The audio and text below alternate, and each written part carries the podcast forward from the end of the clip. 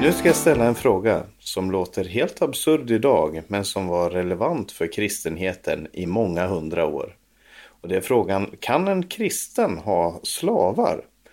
Och en kanske mer relevant fråga för oss, hur ska man tänka när man lever i en kultur som är antikristen på alla sätt och vis? Och en sista fråga, hur ska man kunna förlåta och försonas? Ett av många svar på de här frågorna möter vi i aposteln Paulus brev till Filemon. Och det här korta och otroligt personliga brevet ska vi tala om idag då vi ska ge några nycklar till Paulus brev till Filemon. Välkommen till Radio Maranata. Jag heter Paulus Eliasson.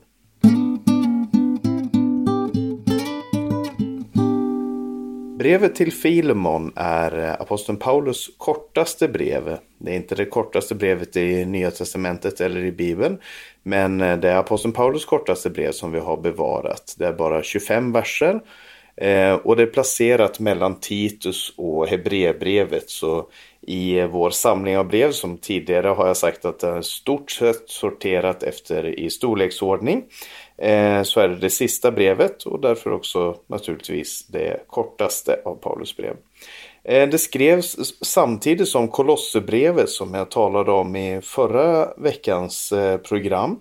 Och det är därför som jag har valt att tala om Filemon i den här, det här programmet för att det skrevs samtidigt och det var till samma församling. Men Kolosserbrevet är skrivet till en hel församling medan eh, brevet till Filemon är skrivet till en person. Och det här är kanske det mest personliga brevet av alla. Det är bland de som kallas för de pastorala breven, alltså Timoteusbreven, Titus brev och Filemons brev är ju då skrivna till enskilda personer där aposteln Paulus eh, hjälper dem och, och eh, ger dem personlig undervisning. Så det här ska vi eh, Eh, se på. Och eh, författaren som sagt det är aposteln Paulus. Han skriver det här antagligen ifrån fängelse i Rom. Eller möjligen fängelse i Efesus. Om det är i Rom så är det i början av 60-talet efter Kristus. 60 till 62 efter Kristus antagligen. Eh, om det är i, från Efesus så är det något tidigare än det. Eh, och det här är ju ett brev då. Och jag har sagt det förr, jag säger det igen. Eh, det är mycket vi inte vet och förstår när vi ser de här breven. Vi vet inte exakt vad som var föranledningen med mindre det skrivs. Eh, vi vet inte ehm, om det hade förekommit konversation innan eller efter som kan vara relevant för att förstå det här. Vi vet bara det vi har i texten. Men man kan, i eh, brevet till Filemon så kan man ganska klart få sig en bild av vad det var som hade hänt och eh, vad som var ska vi säga, konflikten eller problematiken som eh, aposteln tar upp. Och vad var det då som hade hänt? Jo, eh, Filemon han var en eh, rik man från Kolosse, eh, den här staden Kolosse. Och han blev frälst under aposteln Paulus förkunnelse. Det framgår av brevet att Filemon eh, blev frälst antingen direkt genom Paulus förkunnelse eller indirekt genom att de som hade tagit emot evangeliet av Paulus eh, förkunnade också för Filemon. Det verkar som att Paulus och Filemon har ett eh, en välfungerande eh, vänskap. Inte bara att båda är kristna men också att de är, har ett närt förhållande. Eh, och den här Filemon han ägde en slav minst en slav. Och vi ska komma tillbaka till den här frågan om, om slaveri i romarriket kontra den eh, kristna förkunnelsen. Men den här slaven, han hette Onesimus. Och Onesimus, han eh, var en slav som av någon anledning flydde från Filemon. Det kan ha varit för att Filemon var eh, så pass grym och förfärlig att att Onesimus såg sig tvungen att fly, att han inte kunde överleva där. Eh, det kan också ha varit för att Filemon gav honom så pass mycket frihet och så pass mycket möjligheter att han gav honom så pass mycket förtroende att han valde att fly av den anledningen. Ehm, och det verkar också som att något annat kriminellt kan ha hänt i den här flykten. Att han har förstört något, stulit något eller någonting liknande. Men Onesimus var alltså slaven och Filemon var hans eh, herre. Och Onesimus han flydde och så kom han då till Paulus där han satt i fängelse, antingen i Rom eller i Efesus. Och där så blev Onesimus frälst eh, på precis samma sätt som Filemon då genom aposteln Paulus förkunnelse. Och så får då Paulus höra om eh, Onesimus situation, om hans liv och så vidare. Eh, och då hamnar aposteln i ett dilemma.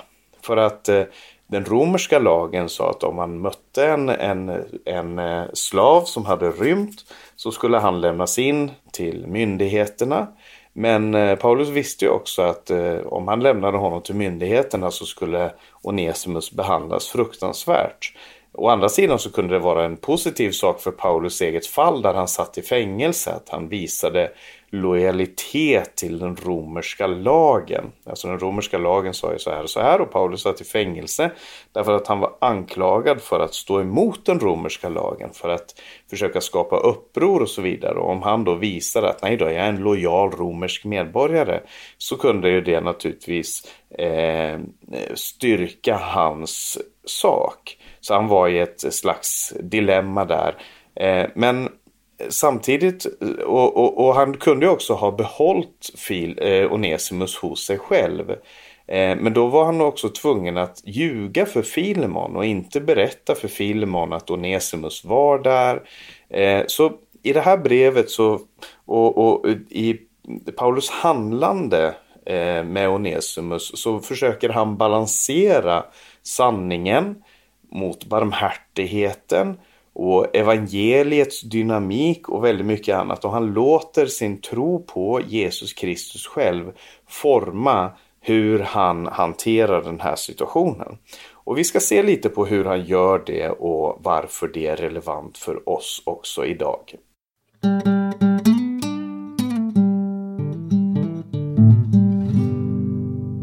Filemon är som sagt ett kort brev, 25 versar och de första sju verserna är en hälsning, en tacksägelse och en bön. Eh, så börjar väldigt ofta Paulus brev och det var ingenting ovanligt på den här tiden. Eh, man började ofta sina brev med en slags hälsning, den och den hälsar till den och den.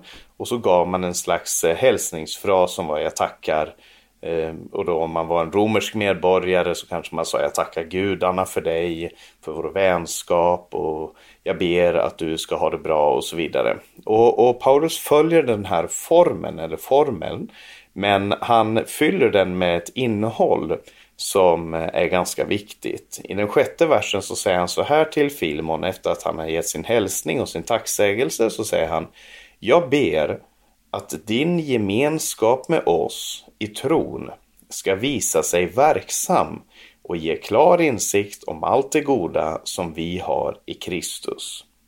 Och som vanligt när det gäller Paulus brev så ligger det väldigt mycket packat i väldigt få ord.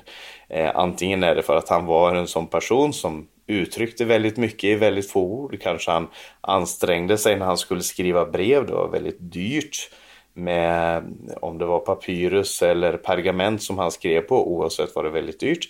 Det är väldigt kärnfulla eh, uttryck som man använder här. Men det han säger är då jag ber att din gemenskap med oss i tron ska visa sig verksam. Om vi ser bara på det, det uttrycket så talar han om en gemenskap som är verksam. Och när en person kommer till Jesus så skapas en ny gemenskap. En gemenskap som övergår andra faktorer. Alltså man kan ju ha, i vår tid också, man kan ha en, en gemenskap med kollegor på jobben. Man kan ha en gemenskap med, med de som är inom ens egen intressesfär. Om man har en gemensam hobby, en gemensamt intresse. Eller man kan ha gemenskap med familj eller med vänner. Eh, och, och de här strukturerna fanns naturligtvis också på apostelns tid i romarriket men de fanns eh, de var lite på ett annat sätt än det vi ser idag. Naturligtvis har saker och ting förändrats på 2000 år.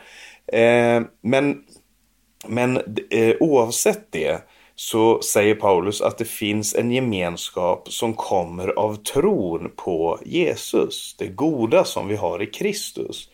Och den här gemenskapen som nu är skapad mellan dem som tror på Jesus, eh, gemenskapen med Gud och gemenskapen med varandra, den vill han ska vara verksam. Jag ber att din gemenskap med oss i tron ska visa sig verksam. Alltså jag skulle vilja se en frukt av den gemenskapen som vi har i tron. Och om man säger att man har gemenskap med sin familj till exempel, men så träffar man dem aldrig och man pratar aldrig med dem eller gör någonting med dem, så betyder ju den gemenskapen ingenting. Eh, och det är det aposteln Paulus vill undvika när det gäller gemenskapen i Kristi kropp. Att man ska undvika att den inte betyder någonting utan att den här gemenskapen ska bära frukt, att den ska vara verksam och så vidare. Eh, och där är det han kommer in på frågan om Onesimus. Och så säger han då från den åttonde versen. Även om jag nu med stor frimodighet i Kristus kan befalla dig att göra din plikt vill jag hellre vädja för kärlekens skull. Jag, Paulus, en gammal man och nu en Jesu Christi, Kristi Jesu fånge, vädjar till dig för mitt barn som jag har fött i min fångenskap, Onesimus. Förr var han inte till nytta för dig, men nu är han till god nytta för både dig och mig. Eh, det första jag kan nämna här är att han gör en slags eh, ordlek med Onesimus namn. Det var vanligt att slavar och tjänare eh, hade namn som, som sa någonting om vad de var för någonting. Onesimus det betyder nyttig. och, och, och, så därför gör han en slags ordlek här. Han säger den här Onesimus. Förut så var han Onesimus för dig, nu är han Onesimus både för dig och mig. Han är nyttig för både dig och mig.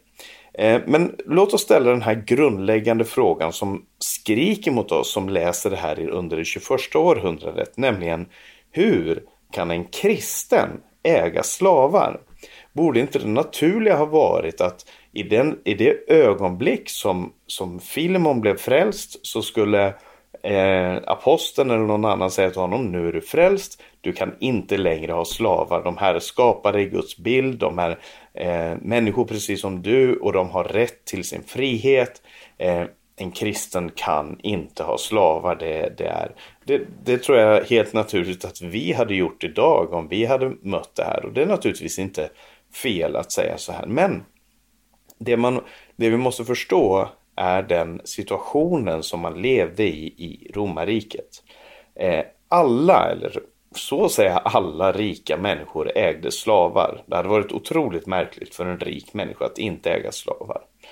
Eh, och de kunde vara goda eller onda herrar eller mästare mot dem.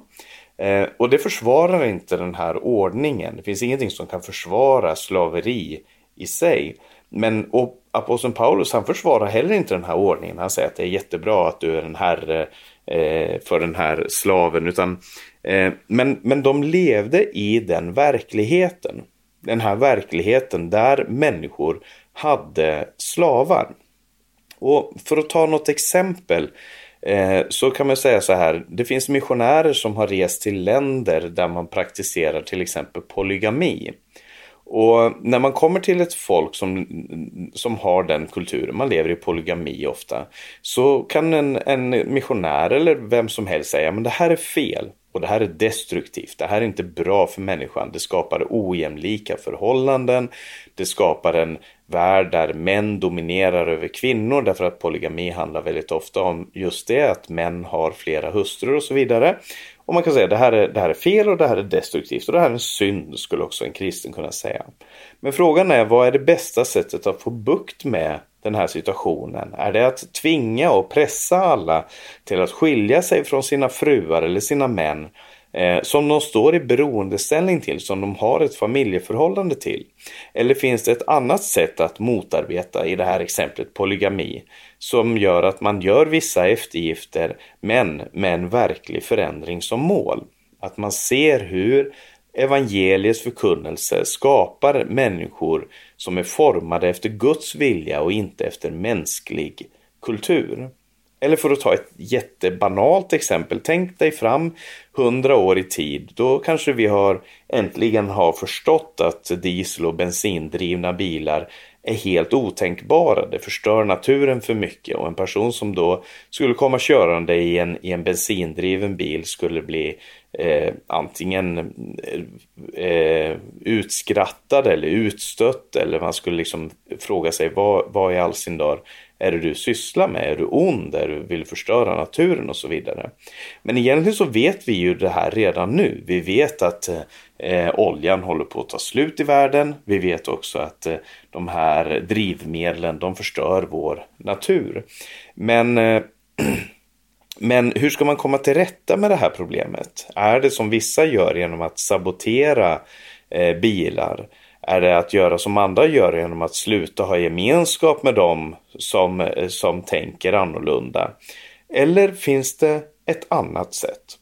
Och naturligtvis, och jag är helt klar över det här, det saknar fullständigt proportioner att jämföra bilar med människor eller till exempel eller till och med polygami med slaveri. Men det är det här som är poängen äh, i, i texten. De levde i en kultur där det här var helt vanligt, där det här var helt normalt. Och man måste utgå ifrån den situationen som de var i för att förstå hur radikalt annorlunda de faktiskt tänkte och vilken plats de var på väg emot. För att Paulus konfronterar den här situationen på ett otroligt speciellt sätt. Han ber inte om ursäkt för det Onesimus eventuellt har gjort. Han ber inte om förbarmande bara för att Filemon är snäll. Det finns ett exempel på ett brev som en oh, nu kommer jag inte ihåg vem det var, men jag tror att det var Plinius, antingen den äldre eller den yngre, som har ett liknande brev som det Paulus skriver till Filemon och det är skrivet ungefär under samma tid där han eh, där han skriver till en vän och han har fått tag i hans slav och han skriver till sin vän och säger ta emot honom nu. Och det är en slags sån här eh, överbärande, alltså sån här nerlåtande stil att ja, ja, men han förstod inte bättre. Du får ta emot honom, försök att vara lite snäll mot honom. Jag har sagt att jag ska be dig om att inte vara grym mot honom och slår du honom så slå honom inte för hårt. Eller du vet hur det är med slavar. Det är absolut inte sättet som eh, aposteln Paulus förhåller sig till eh, Filemon och Onesimus, utan han refererar till evangelium. Han tar evangelium som utgångspunkt för, eh, för, sin, för sin bön till Filemon om att ta emot Onesimus nåderikt. Han säger så här från den tolfte versen. Honom skickar jag nu tillbaka till dig. Det är som att sända mitt eget hjärta. Egentligen vill jag ha kvar honom här hos mig så att han kunde hjälpa mig i ditt ställe när jag nu sitter i fängelse för evangeliets skull. Men jag vill inte göra något utan ditt samtycke för att det goda som du gör inte ska ske av tvång utan av fri vilja. Kanske var det just därför han blev skild från dig för en tid, för att du skulle få honom tillbaka för alltid. Och då inte längre som en slav utan som något mer, en älskad broder. Det, det, är han i högsta grad för mig, hur mycket mer då inte för dig, både som människa och som broder i Herren. Eh, I den här texten här så appellerar Paulus till två saker. Han appellerar till Filemons fria vilja. Han säger, jag vill, jag vill, inte göra något utan ditt samtycke för att det goda som du gör inte ska ske av tvång utan av fri vilja. Alltså Paulus kunde ha skrivit ett brev till Filmon utan att skicka Onesimus dit. Jag vet inte om, inte om jag har sagt det, men det han gjorde var alltså att han skickade det här brevet med Onesimus. Och Onesimus kom, möter Filmon och ger honom det här brevet. Eh, så Onesimus står där framför Filemon och väntar på hans dom, hur han ska behandla den här saken. Eh, så han säger till honom eh, jag, vill, jag vill, inte göra något utan ditt samtycke. Alltså han kunde ha skrivit till Filimon ett brev och sagt nu är Onesimus här, jag tar hand om honom, stör inte oss, det här är din skyldighet och så vidare. Eh, men han ger honom möjligheten att få göra någonting gott, nämligen ta emot honom som en bror, att ta emot Onesimus som sin älskade bror. Men inte av tvång utan av fri vilja. För tvång hör inte hemma i den kristnes utveckling. Men man kan vädja för evangeliets skull. Man kan visa på evangeliet, demonstrera evangeliet och så säga det här är vad evangelium manar oss till, leder oss till. Det andra är att evangelium lär Filemon att se Onesimus som en människa och en bror. Eh, och det här, det här är någonting som vi behöver lära oss i vår tid och som alla, eh, alla människor har behövt lära sig i alla tider. Att se eh, människor som är annorlunda, som lever på en annan plats eller som har en annan hudfärg eller som eh, har en annan religion, en annan inställning till saker och ting. Eh, eh, rika eller fattiga befinner sig annorlunda på den sociala rangstegen eller så. Eh, och se de människorna som helt och fullt människor som skapade i Guds avbild som människor som eh, verkligen Gud älskar. Och eh, så, så eh, han får lära sig när Jesus dog för oss båda, när, han har blivit, när Onesimus har blivit frälst på samma sätt som jag, när Jesus har demonstrerat sin kärlek till Onesimus på samma sätt som han har demonstrerat sen till andra, så förändrar det hur vi förhåller oss till varandra. Han säger ta emot honom, inte som en slav utan som en älskad broder. Slaveriet, det, tanken bakom slaveriet, även om det inte var medvetet hos folk, så byggde den tanken på att vissa människor var mindre värda eller inte helt och fullt människor. Men evangeliet bryter ner det fundamentet som slaveriet var byggt på. Eh, därför så ser Paulus sin huvudsakliga roll i det här förhållandet mellan Onesimus och Filemon. Han ser på sin egen roll som en försonare, en person som ska leda dem till försoning. Och hans nästa argument är det här som det står i den sjuttonde versen.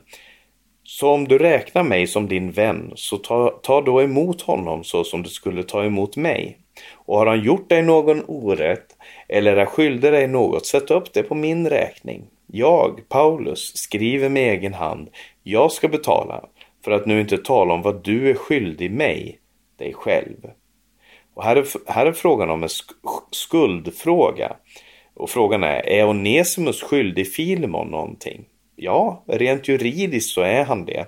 Onesimus är skyldig Filemon så, så, som den romerska lagen såg ut. Kanske han hade stulit någonting men oavsett det så var han skyldig därför att han hade flytt ifrån sin herre.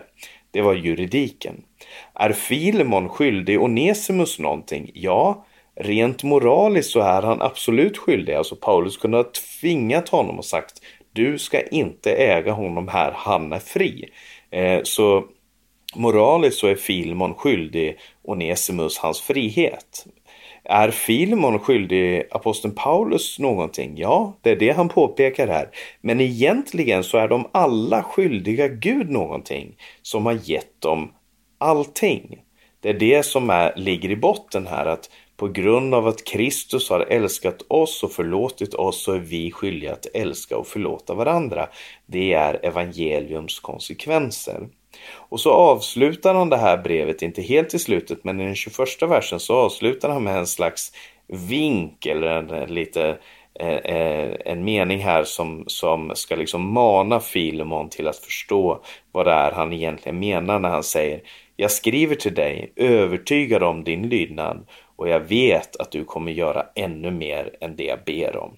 Och vad är det här ännu mer än det jag ber om? Jo, Paulus bad ju om att han skulle förlåta och ta emot Onesimus i sin familj. Så ännu mer måste nästan syfta på att Filemon ska ge Onesimus hans frihet. Men det var bara Filemon som kunde göra det. Och Paulus vill inte tvinga honom, inte ens genom att nämna det, utan han säger du gör ännu mer. Så i det här brevet så talar inte Paulus om Jesu död och uppståndelse så mycket, men han applicerar evangelium på Filemons liv. Och det ska vi göra med våra egna liv också. Vi ska avsluta med att tala lite grann om det också.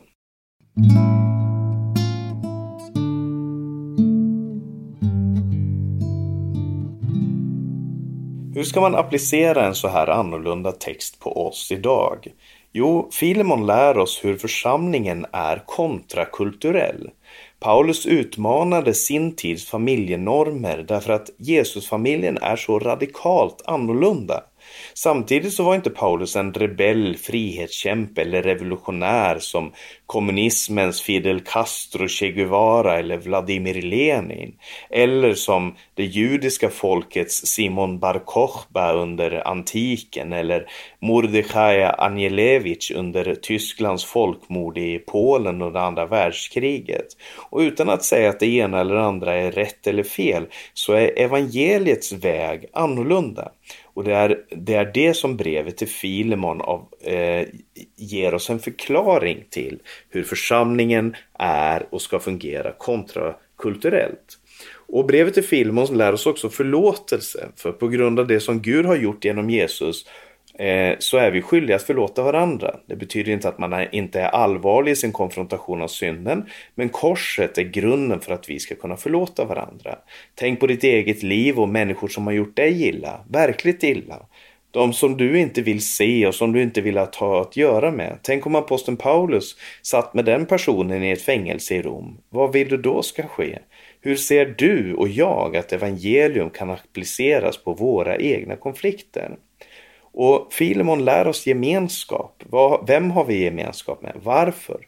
Demonstrerar vi i vårt liv att evangelium betyder något och hur påverkar det oss? Det är viktiga frågor att ställa sig så att vi hittar balansen mellan att vara i världen men inte av världen.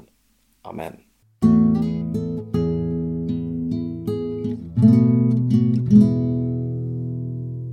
Du har lyssnat till en podcast från Radio Maranata med mig, Paulus Eliasson. Alldeles strax ska vi lyssna till sången Förundrad jag hör.